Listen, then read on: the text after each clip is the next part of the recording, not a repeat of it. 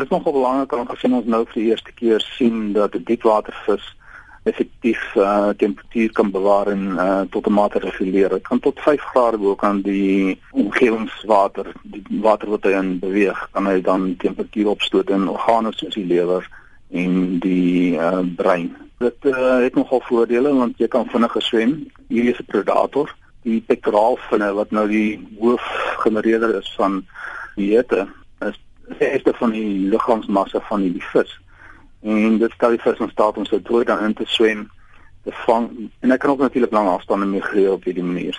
Is dit besonder interessant dat dit 'n diepsee vis is? Ja, dit is nogal. Ons weet dat tuna en haie byvoorbeeld ook op hierdie manier dat uh, reguleer en konserveer. Die hitteregulering meganisme wat hulle gebruik is soos die van die interkoeler van 'n turbo diesel, maar in hierdie geval is dit dan met vloeistof die warm bloed wat by die pectoralvliere gegenereer word vloei na die kiewe toe maar as by die kiewe sou uitkom net so sodat baie van dit te verlore raak natuurlik. Tussenin is daar 'n hitte uitreiler meganisme wat sorg dat die hitte vanaf die warm bloed weggedra word na die koue bloed toe voordat dit by die kiewe in water en aanraking kom.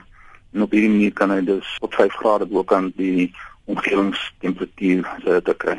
Henk, maar hoe is dit moontlik vir wetenskaplikes om fisiologies te bepaal of 'n vis koudbloedig of gedeeltelik warmbloedig is? Hulle het uh, termokoppels ingesit 3 tot 4 cm onder die vel van die ding. Die termokoppels is baie klein en kan dus akkuraat sonder te veel ongerief vir die vis die het dan die temperature in grade Celsius dan vir jou gee.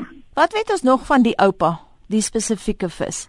Ja, pa, ek kyk nou na die prentjies hier so, dit is 'n diskusvormige vis en nogal groot. Hy lyk vir my iets by 20-25 kg en hy kom in water voor van 50 tot 300 meter. Dit is diep. Vir al die mense wat weet wat duik en so aan sal weet dis diep, maar vir vis is natuurlik heel moontlik. Op daai diepte is daar ook heel wat ander kos, ander visse, maar as hulle nie dan hierdie uitreiling het nie, swem hulle stadige, hulle stadige metabolisme en uh word dus makliker prooi.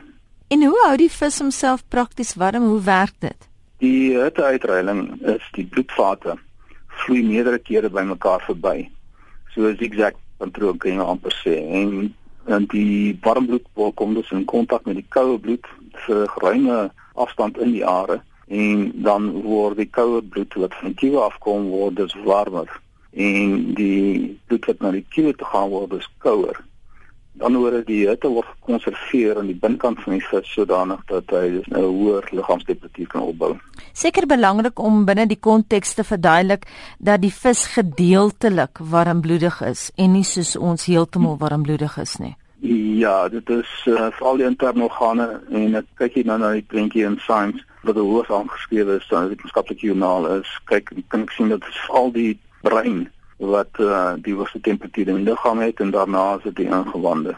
As ons nou die oupa in baie diep water kry en ons bevind nou soos wat die Amerikaners bevind het dat dit gedeeltelik mm -hmm. warmbloedig is, hoeveel ander visse kan daar daar rondswem waarvan ons net nie weet nie wat ook gedeeltelik warmbloedig is? Dat kan wees want ek kan my voorstel dat as net 'n predator, nie die predators warmbloedig is, dat die prooi visse ook nie op 'n manier tog kan uit genereer en kan wegswem nie die vis nogal groot oë sien ek nou en groot oë is dit beteken ook dat dit goed aangepas is in die donker. Die kans dat daar nog sulke visse is, ja, ons moet net soek en kyk